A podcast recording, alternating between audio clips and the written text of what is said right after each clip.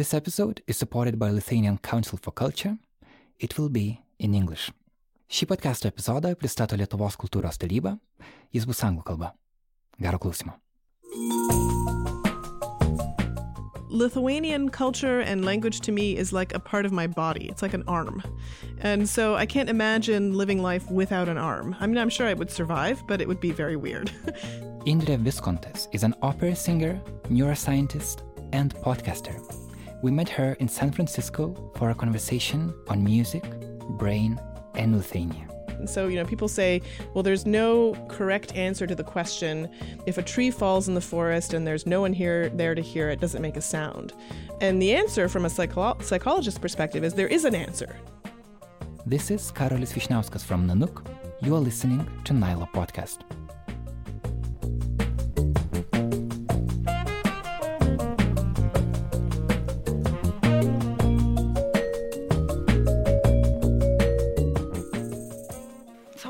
Love music? Indre giving her talk at the TEDx conference. It's a question that I've struggled to answer, and I can't promise you a full, complete solution today. But I'd like to share with you some of the scientific insights that have made me a better musician, and some of the artistic insights that I hope will help neuroscientists solve this mystery. This is how she ended it.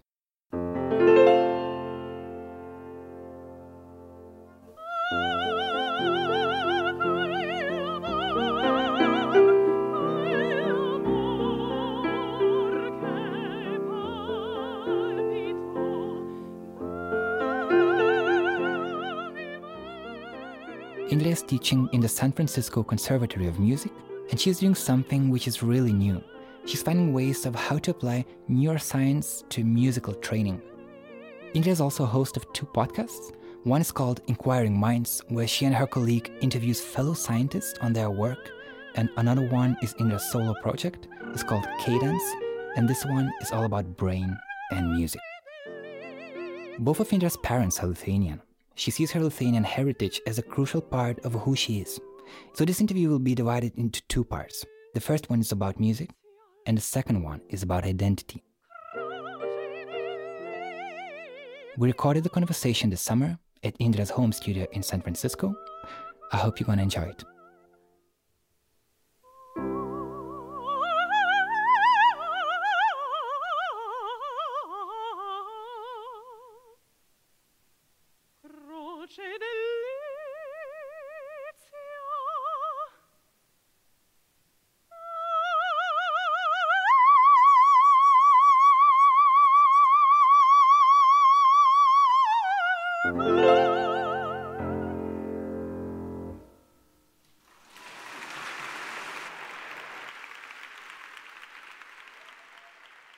Shall we start? Sure. Okay, yeah. Hi, Indre. Hi.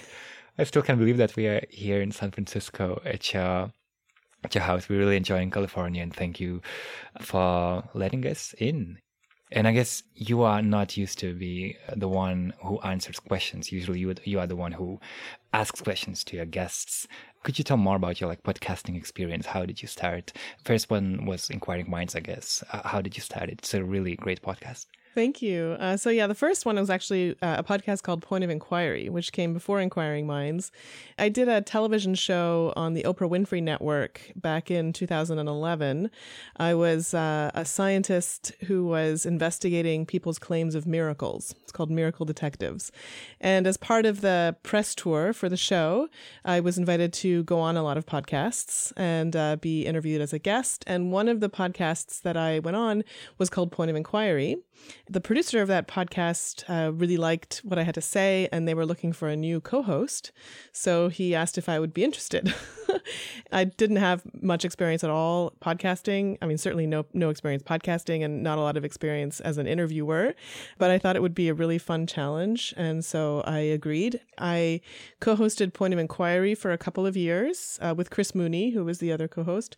And then we set off on our own and we started Inquiring Minds. And now I think we have done 230 episodes Wow. of Inquiring Minds. That's a lot. And you have a lot of listeners, a lot of downloads. How many? More than 7 million, I guess? Yeah, I think over the course of, we probably, we're probably close to 8 million now. And uh, Cadence, your personal podcast about music, how did you decide that you want to do that? Uh, how did you study? Yeah, so that's really a passion project. So uh, after a few years of podcasting, I started to understand the power of the medium. Um, that you know, it's a way of you know crafting stories and telling people about things that are important to me.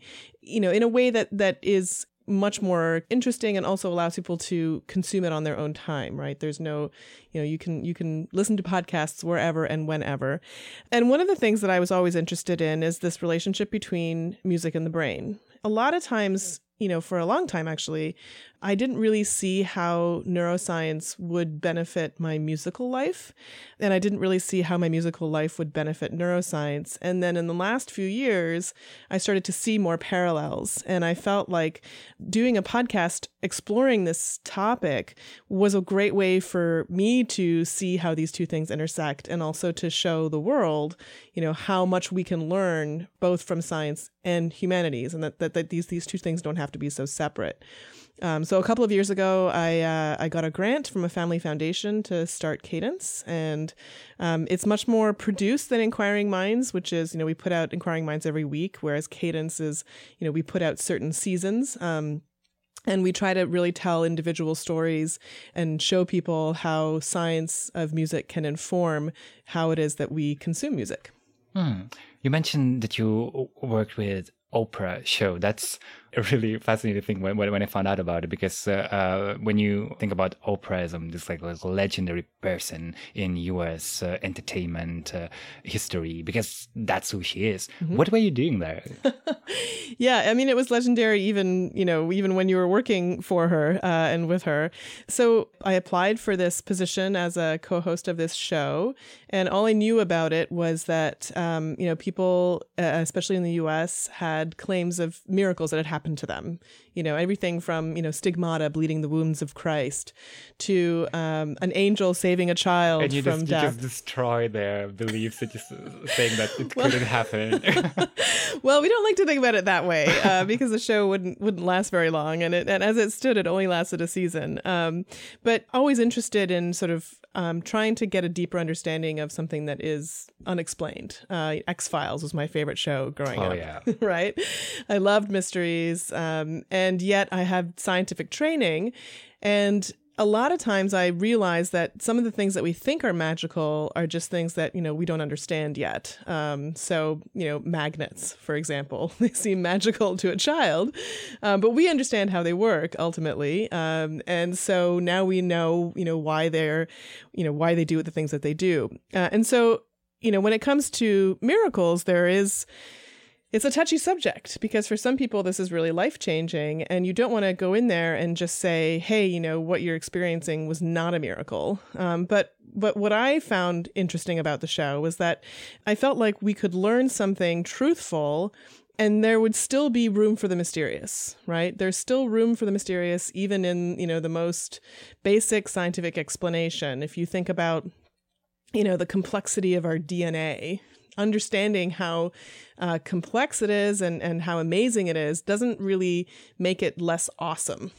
so yeah. so that was my goal. So anyway, so that was the show. Um, I was paired with a uh, journalist who was a believer in miracles um, named Randall Sullivan, and the two of us uh, went around the country, and people would tell us what the miracle was that they were um, that they had experienced, and and we would try to find explanations for it. This is really interesting.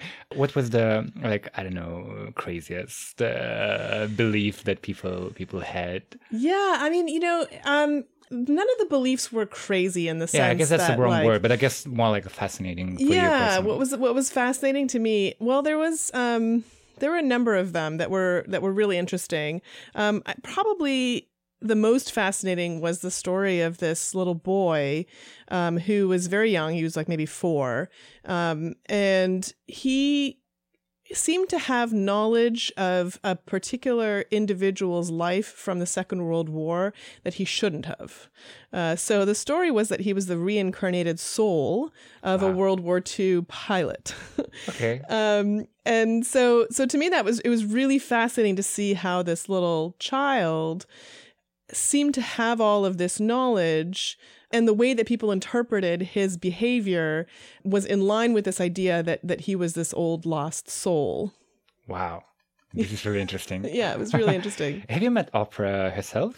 I did. So when, as part of the um, show, we went on her um, the the Oprah Winfrey Show. It was the last season of the Oprah Winfrey Show, uh, and so I got to be a guest on her show, uh, which was very fun. And I'll tell you a little story about it. So Oprah really likes shoes. She likes expensive shoes. Those are you know important to her, especially um, Louboutin shoes. They were the they were the thing in uh, 2011. Um, this French designer, very expensive, um, and I remember like this, you know, thinking this is my I'm going to go on the Oprah show, so like I have to have great shoes. Uh, and so I went and I bought these this pair of shoes, the most expensive pair of shoes I'd ever bought in my life. I mean, they were like eight hundred dollars. It was like insane, but you know, it's it's my my one chance to be on this you know huge television show, and you know. I want to have good shoes. So so I'm getting ready to to to go down to the show. I put the shoes on. I walk out to you know the limousine picks me up. Limousine takes me there. I walk um, into the studio, and I notice that as I'm walking into the studio, the the sort of um, you know the, the the most important part of these shoes is the fact that they have these red soles. And just by walking on the pavement i had completely destroyed the red soles. They had got they had gotten you know roughed up. And i thought well you know surely these shoes you know have to be worn. Otherwise you know what are you going to do? So there i was sitting um, on you know on the armchair on stage waiting for oprah to arrive. And i see her coming you know behind the audience as, as she does carrying her shoes in her hand yeah. so, That's how a professional does that. Apparently, you don't actually wear the shoes until you get to the carpet on the set. And yeah. then she put the shoes on. And so that, makes, her... that makes perfect sense, but I, I wouldn't think about it myself either. so, yeah. That, so that's my memory of the Oprah Winfrey Show. So I try to make sense of all the musical things that you do because there's a lot of it. You you sing opera. Mm-hmm. Um, you also teach at university. You are creative director of Pasadena Opera. Mm-hmm. Yeah, so that's a lot of that's a lot of occupations, and uh, um, yeah, I was also doing a podcast, so I'm just trying to make sense of how, how, your whole like professional life looks like. Yeah, so it's it's a really good question, and I think that um, you know for anyone who wants to make a living as an artist, whether it's as a musician or a visual artist or any kind of creative, um, we're living in a time when you can't just do one thing it's very hard to make you know a living just doing the one thing unless you are um, part of a large organization. Like if you're a principal violinist in an orchestra or you know you're you're somehow you know tied to a particular institution. But if you want to work at, on a lot of different projects which is what is appealing to me uh, about the freelance lifestyle you have to have a lot of different things that you are working on at the same time. Um, because there are times when you know one project will take over and you know other projects will go by the wayside. I sort of call it feast or famine. You know there are times when you you're really really busy, and then there are times when you're rebuilding. Um, so instead of thinking of my life as a having a particular career, I like to think of my career as a portfolio. Uh, that there are different aspects of it, and there the different aspects show different parts of who I am and what I love and the kinds of projects that I do, and that that not only makes it really interesting for me, but it also gives me um, some stability because you know if one project is finished, you know there's another project that is that is just coming online. So that's sort of what I've been doing. So part of my life is teaching, teaching either at the Conservatory of Music, where I teach neuroscience classes. Actually, I teach cla- I teach musicians how to develop more effective practice strategies using the neuroscience of learning and memory.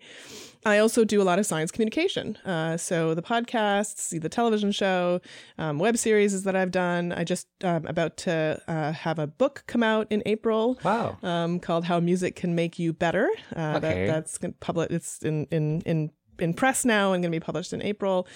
And I do courses for like the great courses and, you know, so, and, and I give a lot of talks. That's sort of the science communication side of it. And then there's the artistic side, which which really um, is is opera. And so I do sing. Uh, I, I, like to work with living composers in particular. So um, a lot of the work that I do in opera is in some ways experimental or new, um, premiering new roles. Um, but I also realize that because of the way my life works, um, I need to have I need my opera world to be project based, uh, and so that's what sort of led to the instigation of Pasadena Opera. So, um, a friend of mine who's a conductor, the two of us founded this company in Pasadena. Uh, we chose Pasadena because she has roots there, and I went to UCLA for my um, PhD, but also because. Uh, I'll just stop for a second. So, um, for our listeners, just to understand, so Pasadena mm. is a place in yeah, California. Pa- is, it is. Pasadena is a, is a is a small city within the larger city of Los Angeles. Okay. So it's just north of Los Angeles, and um, and it's where Caltech, big university, is located, and it also has a long history of arts and culture. So um, there are a couple of really great art museums and so forth, and uh, and so, but it's not in San Francisco. So people are like, well, why didn't you start an opera company in San Francisco? And the reason is there's already an opera company in San Francisco.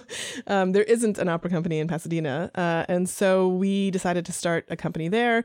And so now we we work on um, a couple projects every year, and either um, you know I sing in the projects, or more recently I've been directing them, um, which has been a lot of fun too. Is to sort of take all of the accumulated experience that I have um, and turn it into directing.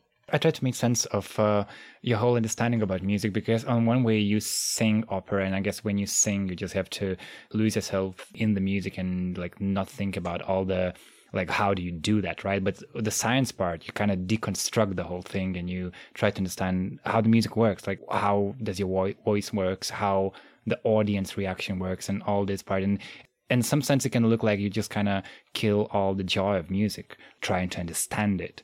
But i guess for you it's just another level of understanding music. How do you connect these two like music as an art form and it's kind of kind of human experience thing and science as as a thing to understand music. Yeah, so for a long time I kept them very separate for that very reason. I didn't want to kill the joy of of singing. I didn't I didn't want to take away the mystery. So over time, but I, I started to realize that that wasn't necessary, and that there were things I could learn from the science uh, that would actually make me a better performer, uh, would make would give me a better understanding of music. But it wasn't the things that you would think it would be. So, for example, a lot of people think, well, you're a singer, so surely you must know all the different muscles in the larynx and how they all work together. And the truth is, is that I I don't. I mean, I did have to study them. I did have to pass a test in vocal pedagogy, but I immediately forgot um, because that actually doesn't help me sing. I mean, it might help some people sing, but it doesn't help me sing. What I do uh, find really amazing about how science can inform my singing is just as you described what aspects of music uh, does the audience respond to? Uh, so what is it that they're looking for? When i do an effective performance when i give an effective performance what is it about that performance that people responded to? And that's where i think um, for me you know it's been kind of the more interesting route. Yeah so i would say that um, you know, if you want to use science as a tool to understand something, you still have to be true to whatever it is that really is making you curious about that thing. And I was never curious about, you know, the bones and the muscles of the body. um, I was curious about the human side of it, the interactive side of it, you know, what moves someone. Uh, and there, science can, you know, help and inform um, and just, you know, add a different layer. This is a quote from your TED talk is is saying that how brain turns sound into music it remains one of the biggest mysteries in neuroscience, and uh, uh, this is really interesting because I think when we hear music, we understand it so naturally. But to explain this, that's the big question of neuroscience. I would never think about it this way. So I guess part of your whole research is about that, right? Yeah. And it's also, I mean, you know, music and, and sound, we sort of think, well, I can tell the difference between noise and music, right? Mm. Uh, but the truth is, is that the context makes a difference. So the same sound can be music in one context and noise in another. You know, so think about you know any kind of instrument. You know, if if you just bash the instrument, that's just noise. But if you do it rhythmically, or you do it uh, repetitively, or you do it in a pattern, all of a sudden it becomes music. Even silence is music. And, you know, people people talk about some of the most important parts of a musical piece are the rests, are the places in which there is no sound, mm. um, because it allows us to breathe. So so the truth is is that music, just like a lot of other sound, is in your brain. So, you know, people say, well, there's no, you know, there's no correct answer to the question you know, if a tree falls in the forest and there's no one here there to hear it, doesn't make a sound?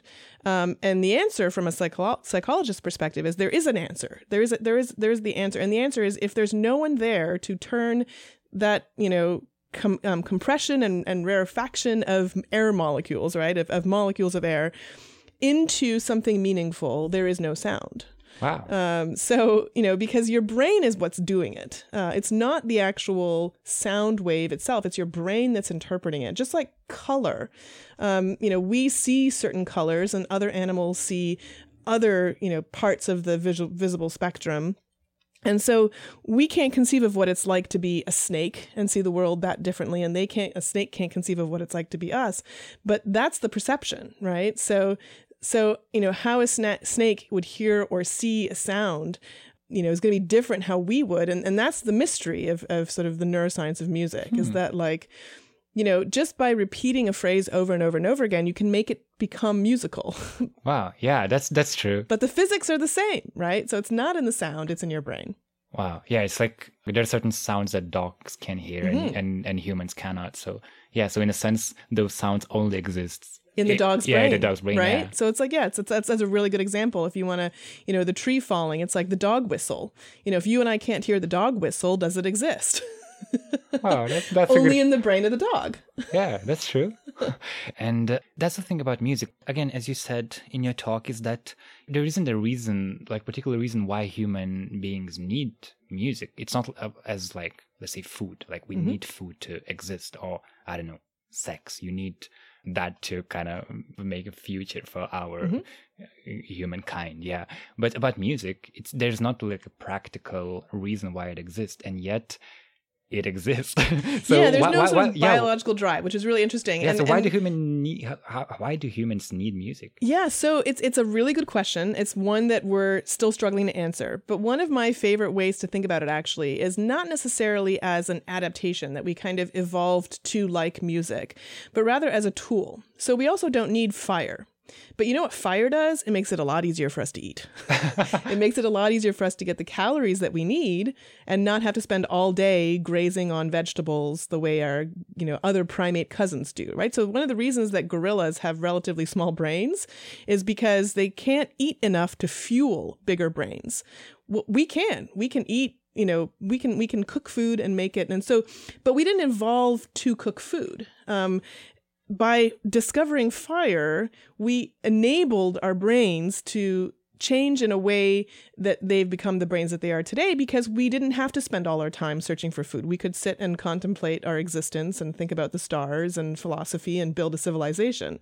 I think music serves a similar purpose. And I think the purpose uh, is bonding. I think that it is about bringing people together, about communicating um, things that we can't easily communicate using language um, across, you know, ages. So, you know, the first way that you speak to a baby is using the musical parts of your speech. Even in the womb, uh, you know, there's there's evidence that mothers who sort of sing and and sort of have lullabies, um, sort of develop bonds with their children. And then, you know, later on, even even in in patients who have lost the ability to speak in Alzheimer's disease, for example, music persists. Um, so you can still connect with them through music. Um, and so that's that's what I think in, in a lot of ways. I mean, there's a lot of re- ways in which we use music. Um, we use it to incite violence, um, tribal warfare. We use it to make you buy a particular piece of clothing because it, you've associated it with a brand. Um, we use it to you know work out more you know harder right? To um, to calm us down you know in all kinds of different ways. But i think ultimately um, one of the biggest powers of music is our ability to connect with each other. And what we see when when we look at the brains of people who are being engaged by music we see their neural activity mirroring the kinds of the kind of activity that that the musicians are also experiencing. So it's this kind of way of putting yourself into someone else's shoes and understanding them more deeply. You said that music is universally loved but hopelessly undervalued. I think that's um, yeah that that's true especially if you want to be a professional musician and make a living out of it because even though we all enjoy music it's really hard to kind of make people pay for it or being a musician is like a cool thing to be but it's quite difficult to live in today's economy and today's society.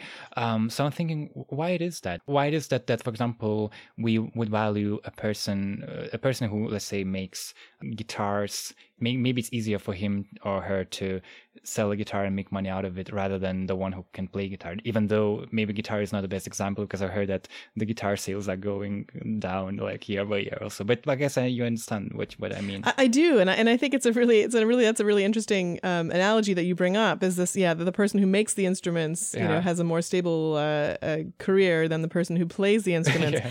um, you know it's it's uh, it's in some ways a kind of mystery of economy but I, I also understand it. I mean, I actually, you know, given the way that technology has, eh, you know, infested our lives, a lot of times when I want to listen to music, I don't pay for it. You know, I go on, you know, my uh, my my app and I have it connected to my Sonos system in the house, and I find, you know, the music that I want now, and it's all. So I think it's it's hard for people to put a value on something that can be a part of their everyday. They're not buying a ticket to a show that they are now going to go see. I think it's harder to sort of figure out how to how do you value the ability to be able to play on your computer or your home stereo a piece of music. Um, it used to be that you would buy the album and then you could play it as much as you want, but now we're moving to a world where everything is in the cloud. So do you pay for every time you play? Do you pay by listening to advertisements? You know, I think this is a this is a big problem in the music industry that, you know, we are facing. But I do think that one of the goals that I have is to show the value of music beyond just entertainment in your home.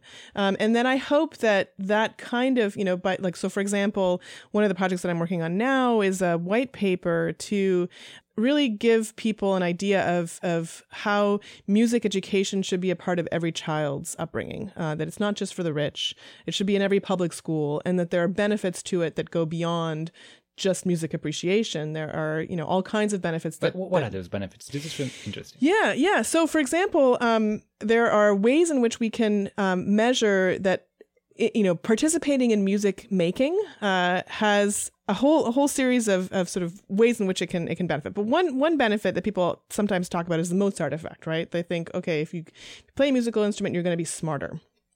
Um, the truth is, is that if you play a musical instrument over the course of a number of years, you, we do see measurable differences in the way that your brain develops if you're a child. Um, and and some of these differences can set you up later in the future to do things that you wouldn't have been able to do had you not played that instrument. So, one great example actually is language function.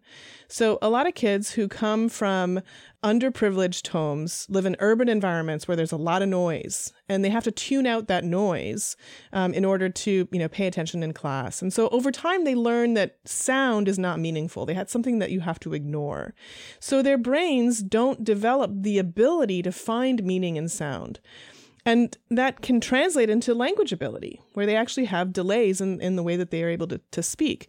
Now, you take those same students and you put them into a musical training program, and all of a sudden their brain sees that sound has meaning and their language skills improve. So you can actually improve the sort of cognitive and language skills of kids who come from low income homes by teaching them to play a musical instrument. And you have a kid who is like four years old. Yeah, I, I have a four-year-old. Yeah. So, do you educate him uh, musically in a way? How do you do that when when the child is so young? Yeah, it's it's a it's now I'm facing the the um, the problem that my child now has opinions. so up until now, it was very easy to expose him to music, and from you know from the minute he was born, you know I sang to him, and then I took him from when he was six months old to these group music classes because uh, there's evidence that shows that babies who do you know from six months to twelve months who do like a a group uh, music class with other caregivers, um, they develop the ability to read social gestures more quickly so they can communicate better um, already before they even talk. Uh, so, you know, I took him to one of these classes and then, um, you know, I bought him a whole bunch of musical instruments. Um, he's, he's taking a ukulele class. Oh, that's cute. Um, so, you know, but at the same time, um, so for when he was three, he kept talking about how he wanted to play the cello. And I think that was because one of his first babysitters was a cellist and she would come sometimes and, and bring her cello.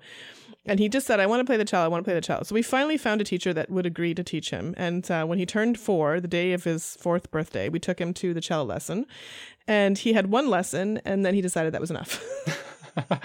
well, cello so, is hard. cello is really hard.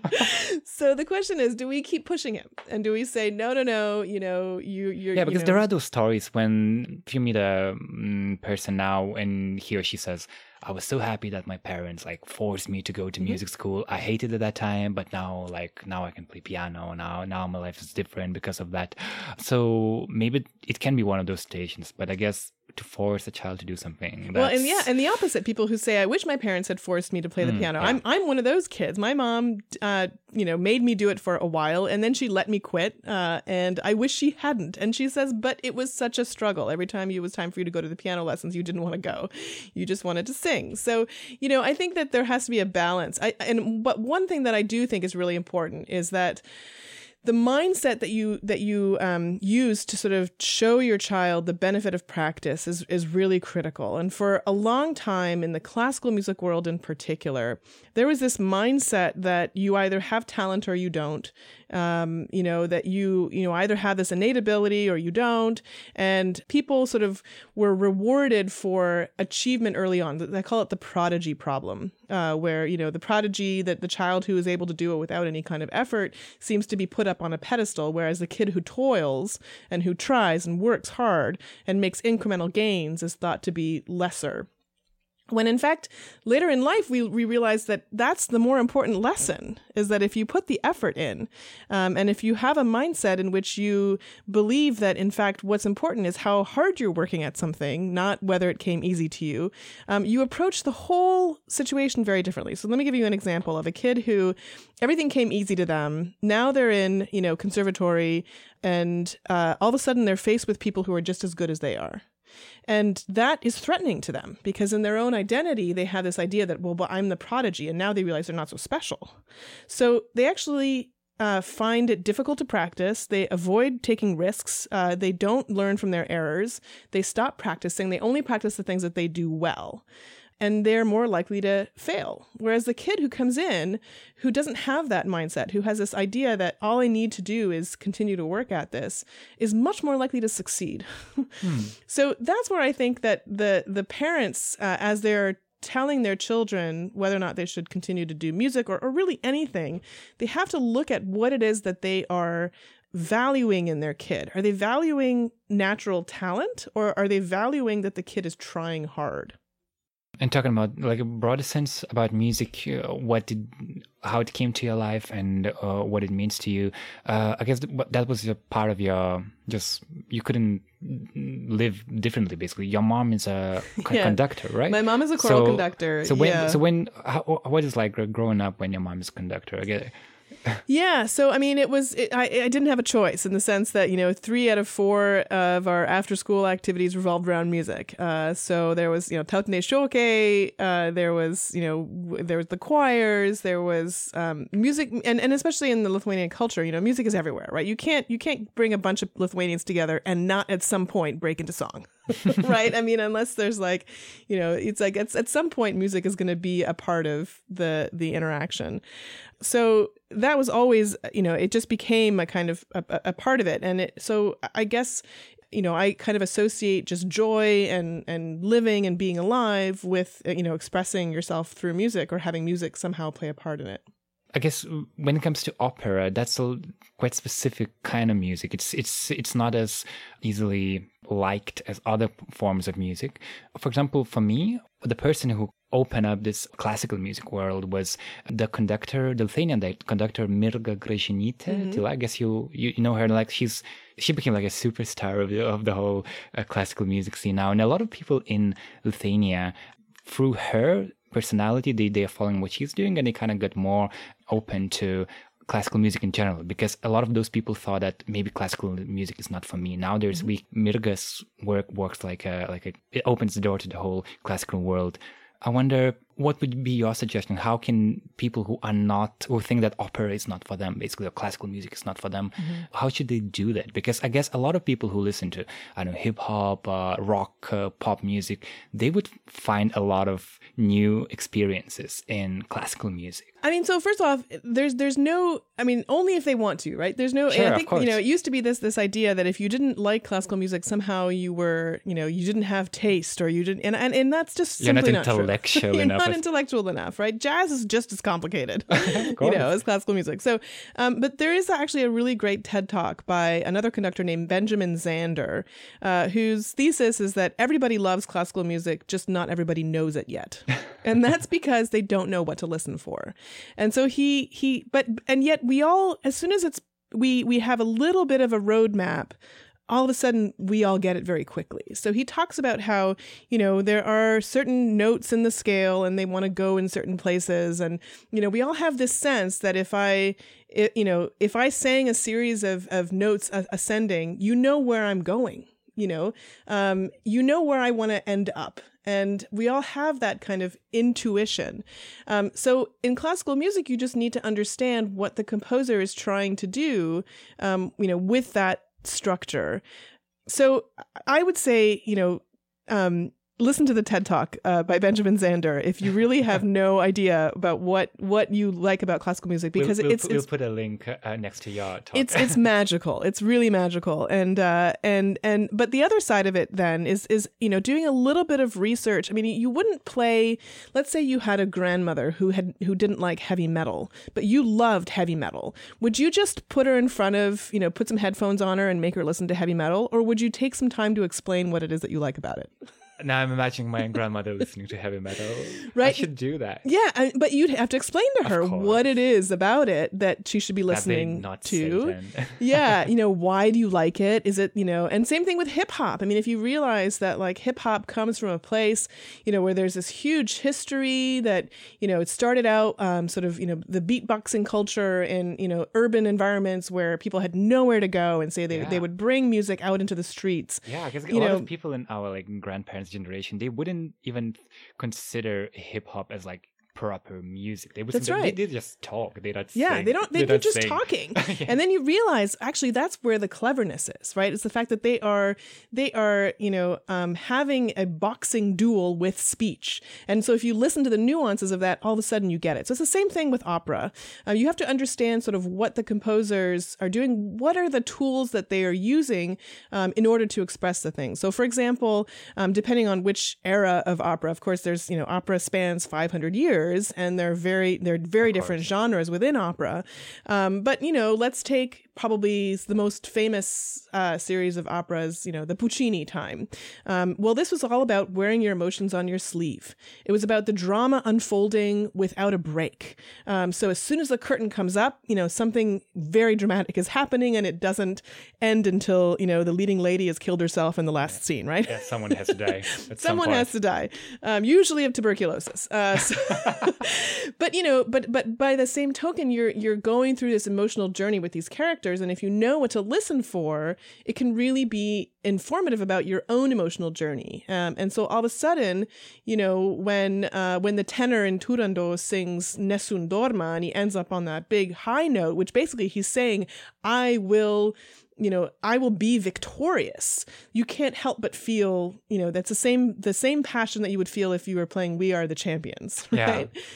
Yeah, that's. Um, I remember how I got into musicals because I thought at, at some point in my life I thought that that's the silliest thing, but at some point I, I understood that that's a really great way to spread emotion.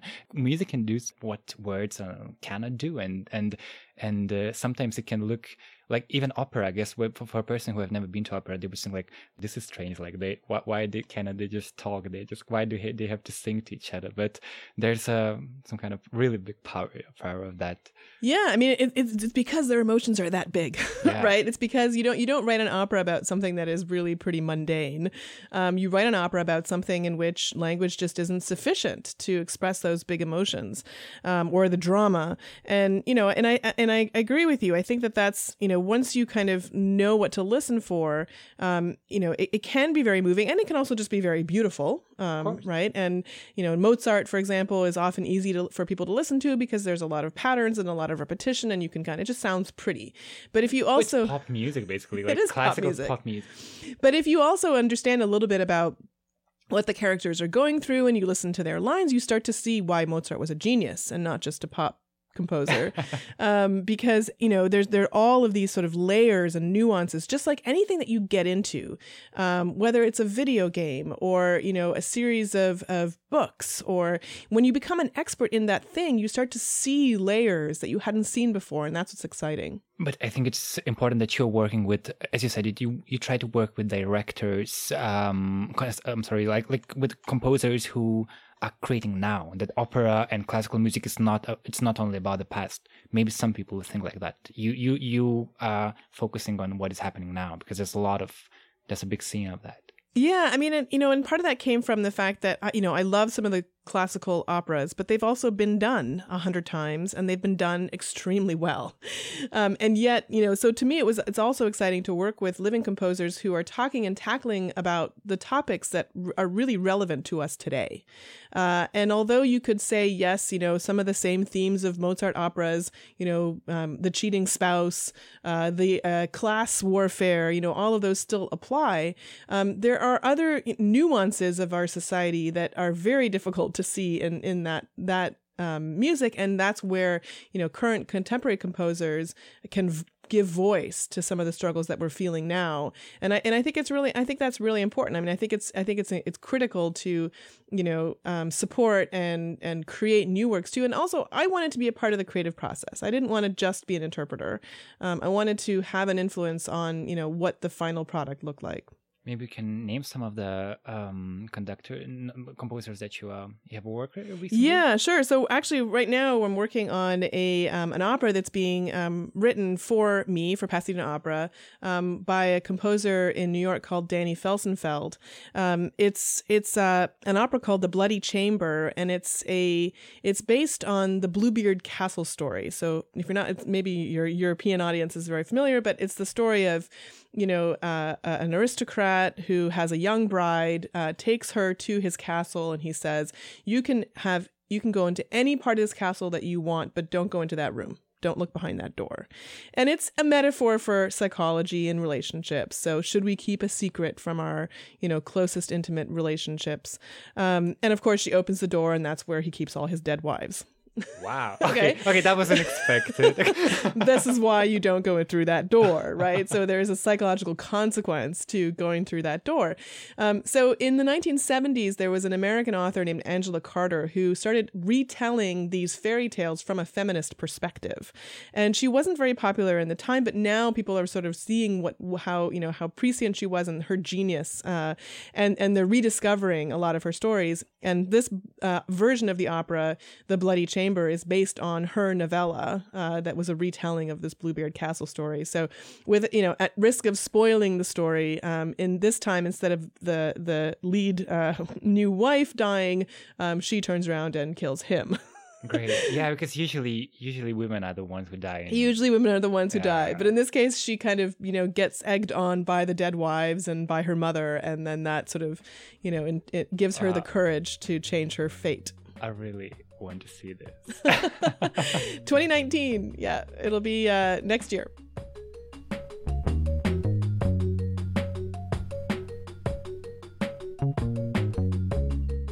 Shout out to our longtime supporters, Benedictus Gilis Foundation and email marketing company MailerLite, and also thanks to our listeners who are supporting us on Patreon. Patreon.com slash Nanook Multimedia. That is the address of our campaign. And now let's go back to Indra's home studio in San Francisco.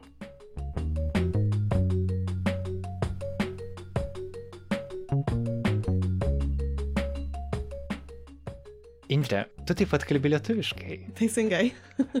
Beros iki septyniarių metų tu kalbėjai tik lietuviškai. Jo, tik lietuviškai ir paskui prancūziškai. Mano mama mane siuntė į prancūzišką mokyklą, nes aš augau Toronte Ir jinai žinojo, kad, kad man bus labai lengva angliškai išmokti, bet prancūzų kalba, lietuvių kalba bus daug sunkiau. Tai kaip aš augau, mes tik turėjom, žinai, lietuviškus draugus ir, ir, ir tik, tik kalbėjom namuose lietuviškai. Ir aš visuomet galvojau, kad bus labai lengva man išmokinti mano sūnų, sūnui, um, you know, man, kaip, kaip kalbėti lietuviškai, bet iš tikrųjų, todėl, kad aš ištekėjau už amerikono, yra labai sunku, todėl, kad aš vienintelė, kuri su juo lietuviškai kalba. Ir tai jis, jis, jis dabar nesupranta, kodėl mama taip keistai kalba. ir uh, tai, tai man, man iš tikrųjų yra labai liūdna, kad jis, jis daugiau lietuviškai neš, nešmoksta, bet man atrodo, kaip jis auks, aš jį siūsiu į lietuviškas stovyklas, kad bent tada jis, jis su, su kitais liet, lietuviš, lietuvi, lietuvi, lietuvių vaikais. Taip. um, žinai, uh, turėtų draugystės ir tada gal jam bus, jis, jis supras daugiau, kodėl uh, mes laikom tą kalbą. Ah we can we can switch, switch to English here, and uh, but really this this is I think this is a really important question. Why do you think that your son has to learn Lithuanian mm. and to understand like Lithuanian Why history? do I want him because, to? Yeah, because like he, I guess he would consider himself as as an American, I guess. But you think that he needs that somehow? Yeah. Well, for one thing, he's uh, he's a pilietis. We we did get um, oh. for him. Uh, but it's so, like a double citizenship. Yes. Yeah, so he has American and uh, and Lithuanian. Oh, okay. Uh, so I think that that's an important. And you know, it's it's funny. It's like Lithuanian culture and language to me is like a part of my body. It's like an arm. And so I can't imagine living life without an arm. I mean, I'm sure I would survive, but it would be very weird. so it's very strange to think of my son as not knowing my arm.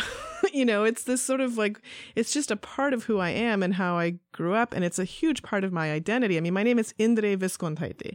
Anytime I introduce myself, whether it's to get a cup of coffee or anywhere, people always know that there's something different about me. I'm not an American um, or, or a Canadian. It's a part of, of, of my identity that way.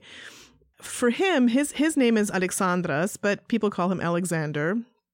Uh, Bristol so he doesn't have that same sort of problem, yet it's a part of who he is too. I mean, I see it in his face, you know, I see it in his mannerisms. There's, you know, there there are certain cultural things that, you know, we pass on.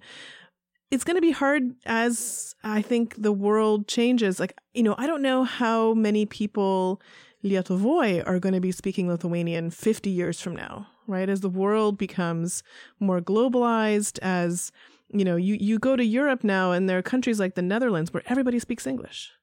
Um, and that's because that's the language of the economy. Um, it's possible that, you know, one day we'll all speak Mandarin hmm. or, you know, some other. So, you know, but, but I still think that there is a, right now there is a, there is a real importance to it. Um, and you know i think it's it's about you know him understanding sort of where his family came from and and to sort of understand my history and you know my parents and and and so forth so yeah, when you think about Lithuanian language, is really now it's it's quite ironic that we talk about Lithuanian language in English. really, I just uh, think it's it's easier for you to kind of express your thoughts in more deeper way in, in English because you've been you've been living like let's say English universe and and I don't know how many years you you were until seven years old, right? You yeah, were only talking seven. only talking Lithuanian. Yeah, but then I, but then I went to school, and you know most of my life became um, English.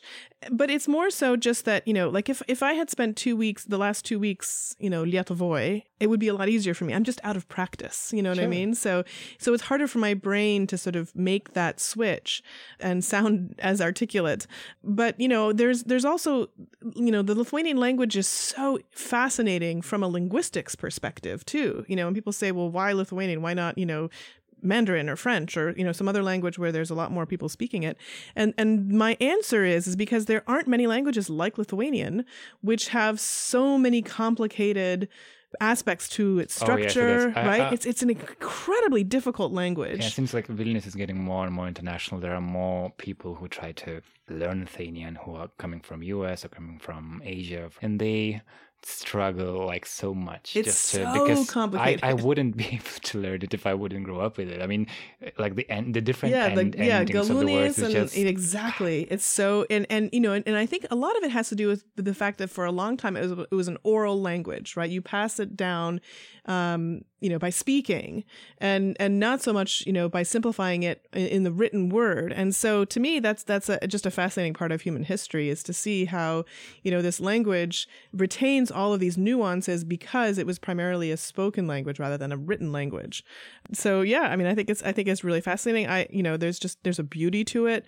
Um, there are things that we can express culturally in Lithuanian that I don't know how to express in English or in other languages. What do you mean?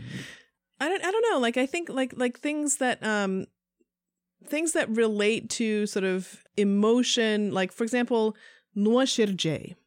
Yeah. Like if you say nuoširdžiai and you say from the heart, that doesn't that's not what Yeah. it means. nuoširdžiai. Like It's like there's honestly, but also but that doesn't always same. it's like it's like it's something more intimate, more um, you know. Uh, you know, I feel for you. Like I, I don't know how to but it's not like I I just feel what you're feeling. It's like there's this other element to it, the kind of community side of it that I think is very hard to express in other languages. So I think there there are words like that that I I you know that are not easily translatable that that sort of reflect some important deep warmth about uh, the Lithuanian culture that really resonates with me. And do you think Lithuanian language is good for music, for singing? Because on one hand, there's tons of Lithuanian like folk songs, Mm-hmm. but when I speak with artists who try to or are making music now, uh, especially in like more like pop field, they try to sing in English because one of their reasons like that be maybe one day will become international. It's uh, better to sing in English uh, because of that. Or another reason is they say that they, they just cannot write proper lyrics in Lithuanian. They're saying like all the lyrics, these like hooks that pop music has, they, they sound much easier somehow in English than in Lithuanian. That Lithuanian language, the words are more difficult and it doesn't rhyme that well and doesn't sound that well. But uh, what's your opinion about that? Yeah, I mean, like you know, when I was trying to teach my son how to talk, you know, one of his favorite things is fire truck, gaisrininkų sunkvežimis, Oh yeah. or bat, šikšnosparnis. right? Yeah. So you know, there there is there is a specificity to it, uh, but you know, s- gaisrininkų sunkvežimis. It's a heavy you know thing that drives things around. Like it's very you know informative. You learn a lot about the thing compared with the word fire truck. It's like Um, parking when you think so in Lithuanian like kur parkingas, we're just saying instead of kur automobilių stovėjimo aikštelė. yeah, exactly. So I mean, I think I think that's part of it. I think that there are, you know, yeah, the, the, the words are bigger. I also think that there is a. So one of the things that people don't realize is that the Lithuanian language has a pitch to it. Uh, so it is not an un- completely unpitched language. It's not like um, some of the Asian languages, which are are tonal, um, but it does have specific. There are specific ways of of saying certain words, uh, of saying any word um, that is correct and that have a pitch to it. So that's why when you're when you're uh, composing in, in Lithuanian, you are limited to a certain extent if you want to stay true to that kind of you know pitch representation um, so i think that makes it hard for pop singers because you can't just like find a great hook and then match the words the way you can in english because it doesn't matter what pitch they are it's like in lithuanian it doesn't quite make sense unless you have that right kind of you know contour uh, of the pitches Yeah, on the other hand, if you do it right, if you can, if you manage to write a pop song in Lithuanian language, so Lithuanians are like so enjoy it much more than English ones. So Oh, yeah. there's it's harder, but it it gets its benefits. And uh, um, you mentioned that uh, even in US, when you say your name to, to other people, that uh, they recognize that you are you have different um background than other people. But I wonder, I'm interested in this like American identity because I guess everyone is an immigrant in in the US in, in in a sense, right? Because for example, here we are in San Francisco. We we went we were in Chinatown. We see a lot of people, like basically all different cultures are here. And do you feel American or do you feel Lithuanian? And what does it even mean to be American to you? Yeah, it's a good question. So now I've almost lived as long as in in in the U.S. as I did in Canada. Um, even Of though, course, you have a yeah, Canada- so I'm, Canadian I'm as Canadian, well. so I still think of myself. I don't have American citizenship. I have a green card, um, and I have Canadian citizenship and Lithuanian citizenship. So I don't really consider myself American, but I also think there's a big difference between the way America approaches culture and the way other countries like Canada do. So so the the distinction that we make is that in Canada we think about a mosaic, right? So you have people, you know, have their own they they retain their culture, they come to Canada and they additive in this mosaic. In the US we call it a melting pot. so we assimilate. Uh, so you come to America, you have to speak American, you have to, you know, adhere to American, you know, cultural standards and so forth. Um, so so there's a difference there in terms of how the culture looks at immigrants. We have a lot of problems in America right now, if you hadn't noticed. Oh, really? yeah. Uh, so you know, it's in, in in some ways it's a really good time because it's allowing us to sort of really you know shine a lens on the problems that our society faces, how divided it is um, politically and and you know in, in all these other ways. But we also have the other side of it where we see some of the ugliness. Uh, for for you know we see a lot of um, conflict uh, between people who don't you know share the same views. So you know I don't know ultimately how this is going to shape up 10 years from now which side is going to win out or if there's going to be a truce or you know what direction it's going but i will say that we are in a period in which there is a potential for a lot of change which you know is what keeps those of us who didn't vote for donald trump very hopeful I guess you're one of those people. well, I didn't vote because I can't, but uh, but, but had I voted, I certainly would not have voted for Donald Trump, just like the majority of Americans. Hmm. So yeah, there's certain people in US. They are I guess they always had some issues with like migrants, but I guess now they became more vocal. They felt that, that you know, Trump yeah. kind of represents them. And this isn't unique to Americans. I mean, sometimes in Europe it's the same. Uh, yeah? In Europe, there there is the same. But even you know, even immigrants themselves can show prejudice against other immigrant groups. Even you know, Lithuanians who came here during the Second World War can now look at the new wave of immigrants coming yeah. from other countries in ways that just don't make a lot of sense because you know they yeah and and I and so I think that that's a kind of human um, you know we are very tribal as humans. Uh, we do tend to divide people up into different groups. One of the solutions for that is to see how similar you are rather than how different. You know my son had the other day was a, a shocking comment. Uh, one of his friends was coming over that he hadn't met before and we said you know this little boy teddy is coming and my son who's four says does he is he going to look like me and I said, well, what do you mean? He's going to, you know, what, what is that? And he's like, well, does he, is he going to have light skin like me? And it was shocking to me because he goes to us, you know, a preschool where there's a lot of diversity. And I said, what does it matter whether his skin looks like yours or not? And what does your skin look like anyway? And, you know, and he said, well, you know, I just want him to look like me. And, you know, so we had this long conversation about how we're all the same inside and, you know, whether we have different hair, different eyes, different skin color, it doesn't matter. And, you know, it was a moment for me to sort of teach him about race and how, you know, these things shouldn't matter. But already in his head, he's categorizing and and you know that is a kind of it's something that our brains do um, you know we are we we recognize patterns. We want to group things into simple categories friend and foe. Um, and it's easier to do that you know in these kind of superficial ways. Um, but the other side of it is that we need to understand that you know underneath we do bleed the same blood and sure. there are a lot more similarities.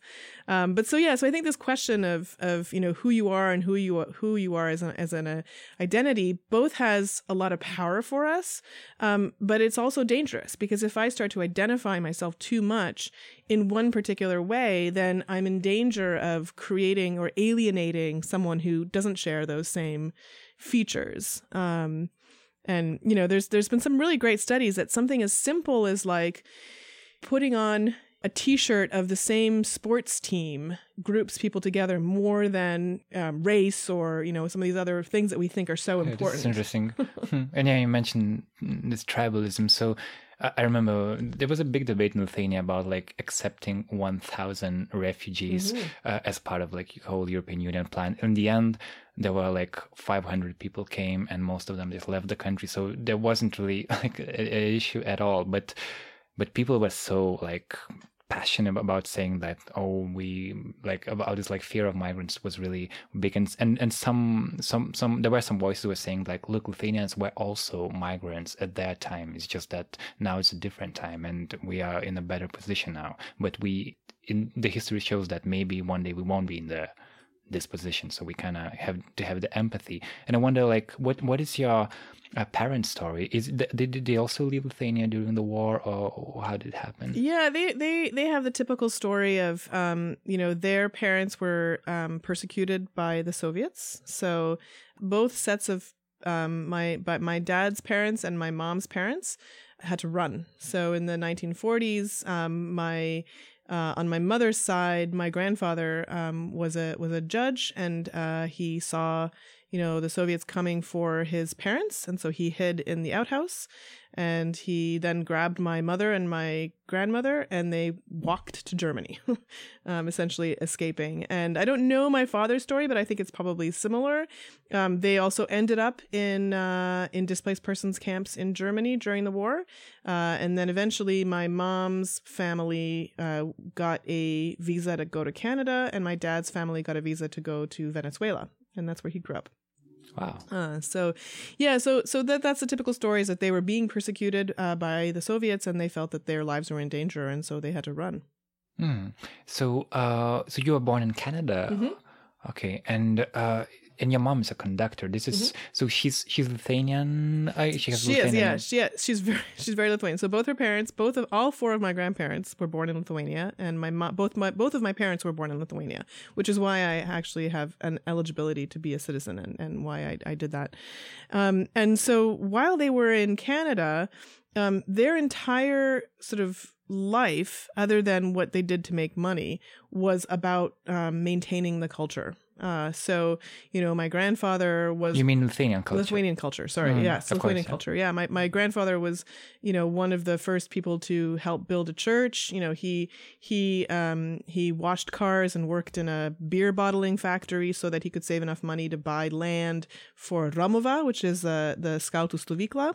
You were know, a scouter I was, I was, yeah. I guess you are. I guess when I you guess I still scouter, am, you yeah. are forever. forever yeah um, and in the Ateitininkai, so there's like a bit of a rivalry between Scout and the Ateitininkai in Toronto but um, uh, anyway uh, you know I, I had fingers in both pies um, but you know the, yeah to them it was it- you know outside of their menial jobs which you know they did just because they needed to survive their entire life was about maintaining Lithuanian culture Mhm. so my mom's my mom's um, she wanted to be a musician, and so her kind of um, you know vocation was to build these choirs. So she you know built choirs in the community, um, and she just actually in Dainų Šventė this past year, um, her choir Volungė was the um, the Užsienų uh, choras that won the big award. Nice. What's what, what's the name of your mom? Uh, Dalia Viskontienė Skrinskaitė or Skrinskaitė Viskontienė. Um, so she, uh, she, uh, she was the her her probably most well known choir is called Volungė. Hmm. And this year we had um, the celebration of Lithuanians, um, 100 years Mm-hmm. of Lithuania as a country, and uh, there were a lot of discussions about this idea of global Lithuania. That uh, even though the number of people who are living in Lithuania it gets it's it's shrinking basically when and it's also connected with European Union. A lot of people uh, basically going to other countries to get better jobs, uh, but uh, and to kind of make make a better living. But they also don't want to lose the connection with Lithuania. I see, for example, in your case, even though you, you didn't even grow up in Lithuania, you still have a strong connection. And I think for Lithuania as a country, if, if it wants to have a future, we have to make this like global network of Lithuanians um, because to think about only Lithuania as like this national state, it, I, I don't think it can work in the in the in, in the future, and we would lose a lot of talent people like like like you and like a, a, a lot of other talented people. So, but what I see that the problem is that people struggle to make connections with those people who left. For for example, this summer we had Pasaulio Lietuvių jaunimo susitikimas, and most of the people were Lithuanians living in Lithuania there. There were quite few people who came from different countries to Lithuania. In the Šventė, it was the situation was better. There were a lot of like people from Argentina, even from Japan, who, who are like Lithu- have Lithuanian roots. That was really beautiful. But uh, yeah, so the Šventė was a special event, and uh, those people were in Lithuania. Some of them were here for the first time. Now they left, but I wonder how can we make. Uh, to make connections last and for example what is your connection to lithuania do you have friends there how do you how do you not lose touch Yeah, I think that's a really good question, and I'm not sure I have a, great answer. Um, I do have some friends uh, that live there, but a lot of those friends are friends that I knew who grew up in Canada or the U.S. and then moved, uh, you know, to Lithuania to, you know, make to for, you know for the purposes of getting better jobs. They saw an economic opportunity or you know a cultural opportunity. Um, But you know, I, I think that I think that um, understanding what makes Lithuania uh, special on the global scale is something is, is a way of doing that. And and so you know like when you think about like what what makes japanese culture japanese right? There are certain things that we can think about um and and i also think that there are certain things that we can think about that make lithuanian culture lithuanian one of them i think is um, this tie tie to uh, singing that I think the choral the choral aspect of that's a big strength. There are very few countries in which there are song festivals, you know, in which thousands of people get together and, and have these big things.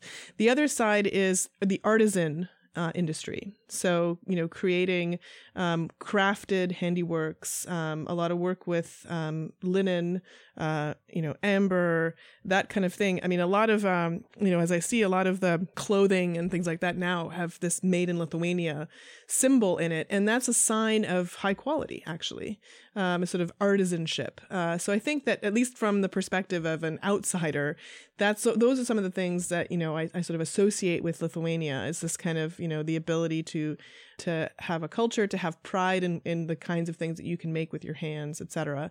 So I think there, there's that that there has to be some branding that has to happen from the Lithuanian government where they yeah. figure out, you know, how are we going to, you know, place ourselves on the world yeah, stage. That, that, they struggle with that. There's there were a lot of initiatives, but they, I don't know, after a year or, uh, or two, they kind of just just just slowly die, and then, yeah. then there's a new initiative. So this like how to identify, how to make this like glo- the brand of global Lithuania. That's such mm-hmm. a big debate and everyone is looking at countries like I don't know, like Iceland, and mm-hmm. saying like, look at these people from Iceland. There, there's only like three hundred thousand of them, but they have all this music. They have all mm-hmm. this like image of Iceland. So mm-hmm. yeah, people want to do that. I don't know. Maybe it will.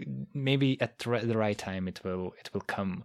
But uh, yeah, yeah, I mean, I think yeah, if you keep doing the things that you know you are good at, eventually you know those things will will rise to the top. I think that um yeah, I think that that's that's part of the you know it, it, part of the you know you have to have pride in what it is that you do really really well, um, instead of trying to do everything that everyone else is doing as well as they are doing, Um, because um, that's hard to. Uh, I mean, even things like you know, uh, in in science, for example, a lot of people don't know, but um, CRISPR, which is this gene editing tool, which is you know all the rage now among scientists, a major development was uh, in in Lithuania. Uh, and and so you know so i think like finding those moments finding those things and then kind of you know um, showing people that this is where this came from can be can be a, a, way forward.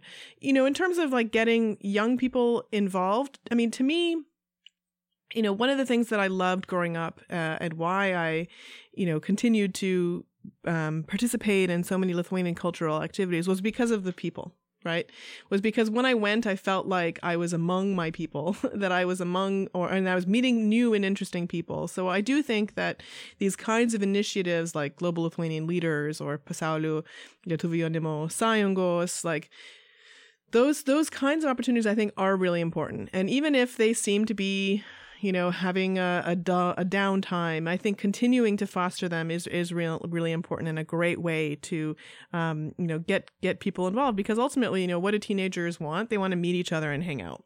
So, you know, if you can provide them with those opportunities, I think that's effective. And when I noticed that sometimes Lithuanian people don't, sometimes don't even know what culture treasures do they have? For example, this was news to me. Uh, so Andrew Mikšys, the photographer, he grew up in Seattle, but he has Lithuanian roots as well. We did an interview with him in the podcast, and he um, uh, shared in, in, the on his Instagram post he was in Seredžius, like a small town in uh, Lithuania, and he found out that Al Jolson, he was in the uh, the jazz singer film, uh, mm-hmm. that he was born there in that Lithuanian mm-hmm. little town, mm-hmm. and uh, I guess people who live in Seredžius don't really know who Al Jolson is, and he's at, the, at, this time he was called like the world's greatest entertainer, and but there isn't like anything connected with him, even though like look here we, here we have this kind of piece of history. Or for example, here we are in San Francisco. Know that Harvey Milk, one of the most um, celebrated LGBT fighters in mm-hmm. in in in in uh, U.S. history, he I, I, don't know exactly what are his Lithuanian roots, but he's really celebrated here in San Francisco, right? I don't know mm-hmm. if you. Oh yeah, yeah. so um, these kind of things, I guess, mm-hmm. should be uh, like Lithuanians just should have take them because they exist here. But the problem is that some people think, oh, but this is like like he this is LGBT. Uh, we are there. Some people are homophobic. That's mm-hmm. true. So I mean, they don't want to take that culture, for example, and um, so yeah, I'm just thinking aloud now that I think I guess we should be more open, and there are things that we just have to take that are Lithuanian. Yeah, I mean, I think that's part of it, but I also think that there is something to be said for, you know, what Lithuanians are doing well now. You know, yeah, there is this tendency to to look into the past and say, oh, you know, such and such a famous person has Lithuanian roots, therefore Lithuania must be great. People will say, well, but that person left Lithuania. right? That is true. You know, but but there's there are things now that that are occurring in Lithuania that I think are really remarkable. Are you know, I mean, you know, they're they're you know just just thinking about sort of the beauty of the of the land and the fact that you know it's one of the few uh, uh, European city centers that wasn't bombed. Um, so there's all that history. But even even as I say, the kind of you know the maker culture in Lithuania. I mean, maybe I'm influenced because I live in San Francisco and maker culture is a big deal here. But you know, making things uh, is something that Lithuanians have been very good at for a very long time, and I feel like that's the kind of thing that they should own, because it's becoming very, you know, as as we go into a more digitized world, people are actually recognizing how important it is to be able to make things. So you came to Lithuania uh, when you were how old for the first time? The first time I think I was eleven, uh, and then I went again in my twenties or in my teenage years and then again in my 20s and i, I meant to go this summer but um, i got pregnant and my doctor said i can't go. And uh, what did it feel like? Because it is really interesting that i noticed in, in this song festival uh, this summer that some people came to Lithuania for the first time in their lives, and they had all these like Lithuanian dresses that were even better than Lithuanians themselves here living there. They, they don't have such a good like folk mm-hmm. dresses or mm-hmm. like I know, man's pants or whatever. So mm-hmm. I mean, mm-hmm. I don't have it, for example. So I mean, I don't feel like I don't celebrate that culture that much as those people who have never been to Lithuania before, but they have this idea of mm-hmm. Lithuania. And I'm just wondering when you actually came to the when you come to the country, how did you feel? Do you feel excited? Maybe you were disappointed. Yeah. So the very first time, I mean, so I came when it was still under um, Soviet occupation. So that was a very different uh, experience because, you know, there were all of these. I mean, it was you know going into a, a place where there weren't as many freedoms. Um, so there was that side of it. But I remember the the one thing that was most amazing to me is that I finally felt like I came to a place where everybody spoke the language that everybody in Canada thought was really weird you know and it was like i've just come home in a sense even though this place is completely new to me. Um, so there's and and also seeing you know Trakų pilis and seeing uh, you know Gedimino kalnas and seeing seeing these these these um, you know just national treasures that i had only seen in pictures and read about was remarkable. I mean it was like you know it was it was really special. Going back after Lithuania uh, gained its independence again, um, was again very different. Um, and I um, guess watching the whole process of gaining the independence, you yeah. must be really excited. Uh, we, I mean, we felt parents, like we were a part of it. I mean, yeah. I remember driving to Washington D.C. to protest and driving to Ottawa. I mean, we felt like we were in part responsible, which you know, in some ways, we're not. um, but that was, you know, we we spent you know so much time. I mean, I remember writing letters to, um, you know, people who were in Sibiras uh, and and feeling like I was, you know, doing something and and maintaining the culture. So we felt like, you know, we were, you know, it was our humanitarian, you know, um, effort uh, that that that was meaningful, you know, in some way, even though we weren't the ones suffering and we weren't the ones who were, you know, putting our lives on the line the way people in Lithuania were. But we certainly, I mean, I cried during the, you know, um, Televizijos bokštas or Radios bokštas, the massacre. Televizijos bokštas, the massacre. I mean, it was devastating. Even though I didn't know a single person or, you know, it was, had, it, it really didn't threaten me personally, but I found it, you know, traumatic in that in in a you know very mild sense. I'm not, you know, equating my experience with people who lived it. But, you know, uh, you know, when, when, then, then coming and, and sort of seeing, and then, and then of course there was this disappointment that I'm sure everybody felt where all of a sudden, you know, the, the country didn't, uh, become this, you know, perfect place to live immediately. Yeah, it was impossible. Right? right? I mean, yeah, you had to, you had to, there, there was. The, the 90s were time when really yeah, it was a crazy time. Yeah, yeah everywhere in Europe that was you know that you know that, yeah. So so so there was that sort of we were trying to figure out you know what was going to happen and so forth. So you know I felt like we were a part of that. Now I feel like um, I, I feel less uh, emotionally tied to Lithuania because I feel like it doesn't need my help the way it did when it was occupied. Do you know what I mean? Like when it was occupied, I felt like if we didn't maintain the culture, if we didn't write to the, you know, governing bodies, if we didn't go p- to protest, if we didn't, you know, then then you know people would continue to suffer. And now I feel like, well, it doesn't. That doesn't really matter what I do.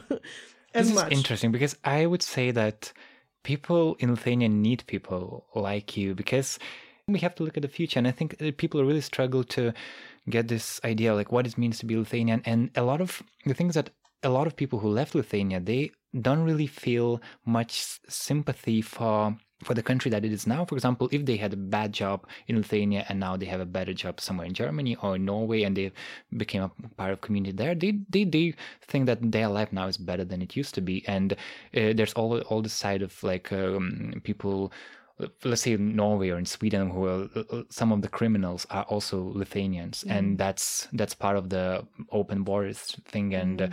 and and whenever like Lithuania gets in the news in these countries, mo- it, it's more of bad things rather than mm. good things.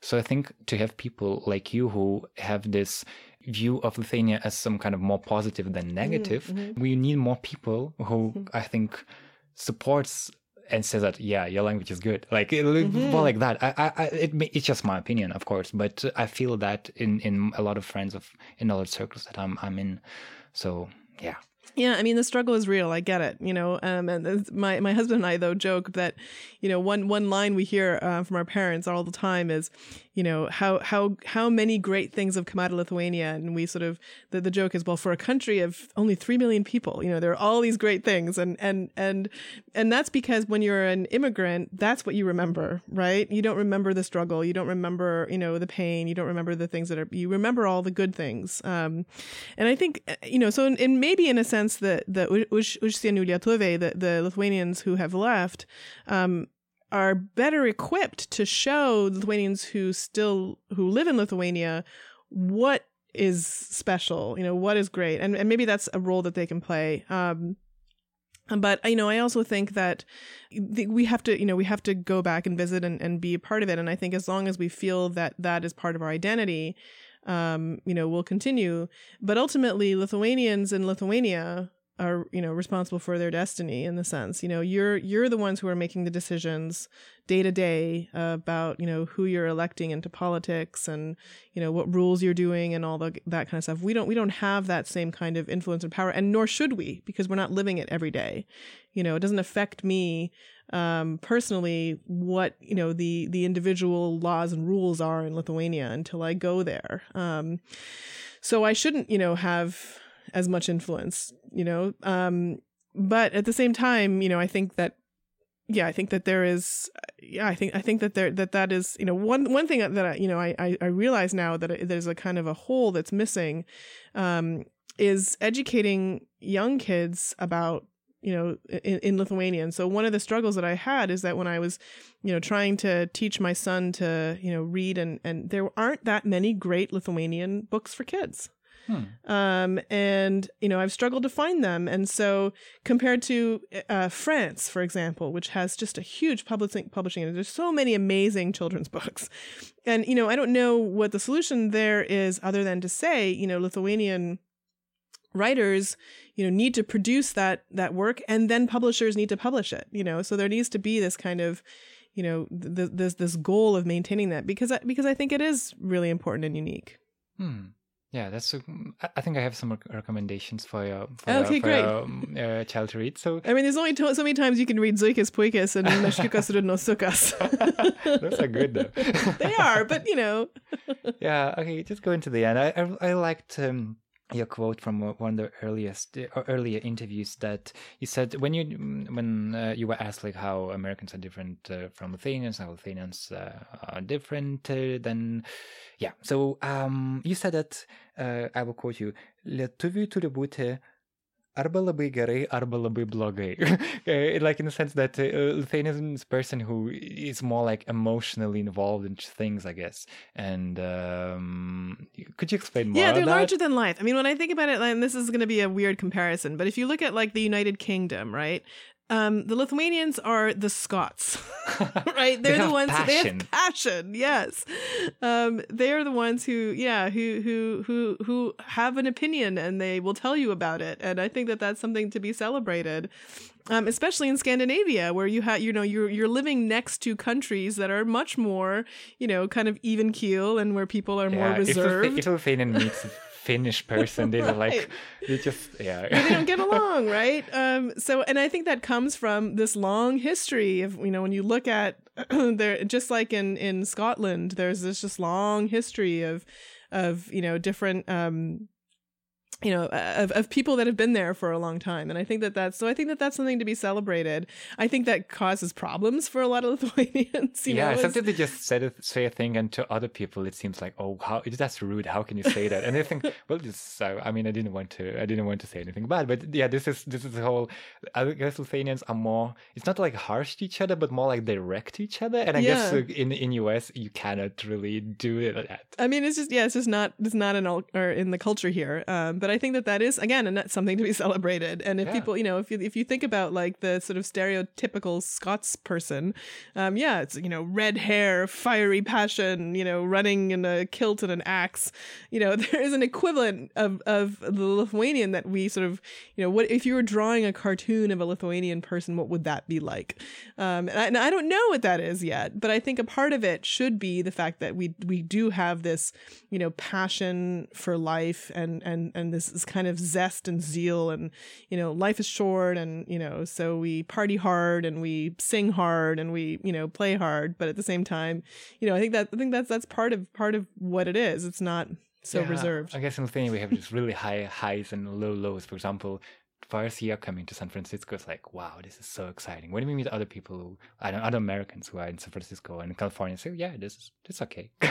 so yeah, to us it's really exciting, and it's exciting to it's exciting to meet you, and uh, uh, we are really we are really grateful for your time. Thank you, Indre. Well, thank you for coming. Ačiū labai labai. Neruška.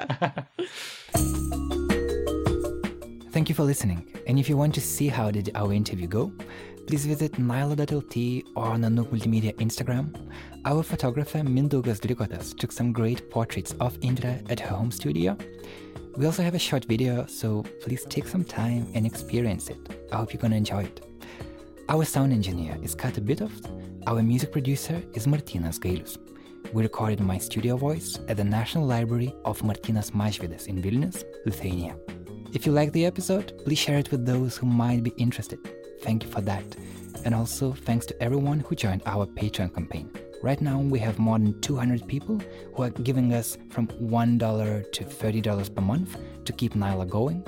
If you want to join them, again, our campaign address is patreon.com slash Nanook Multimedia. Thank you so much. My name is Karolis Vyšniauskas. Nyla Podcast is produced by Nanook Multimedia in Vilnius. Take care.